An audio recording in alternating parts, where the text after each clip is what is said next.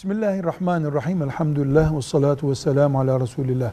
Kurban kesildikten sonra onun etinden zengine, fakire, salih insana, fasık insana herkese verilebilir.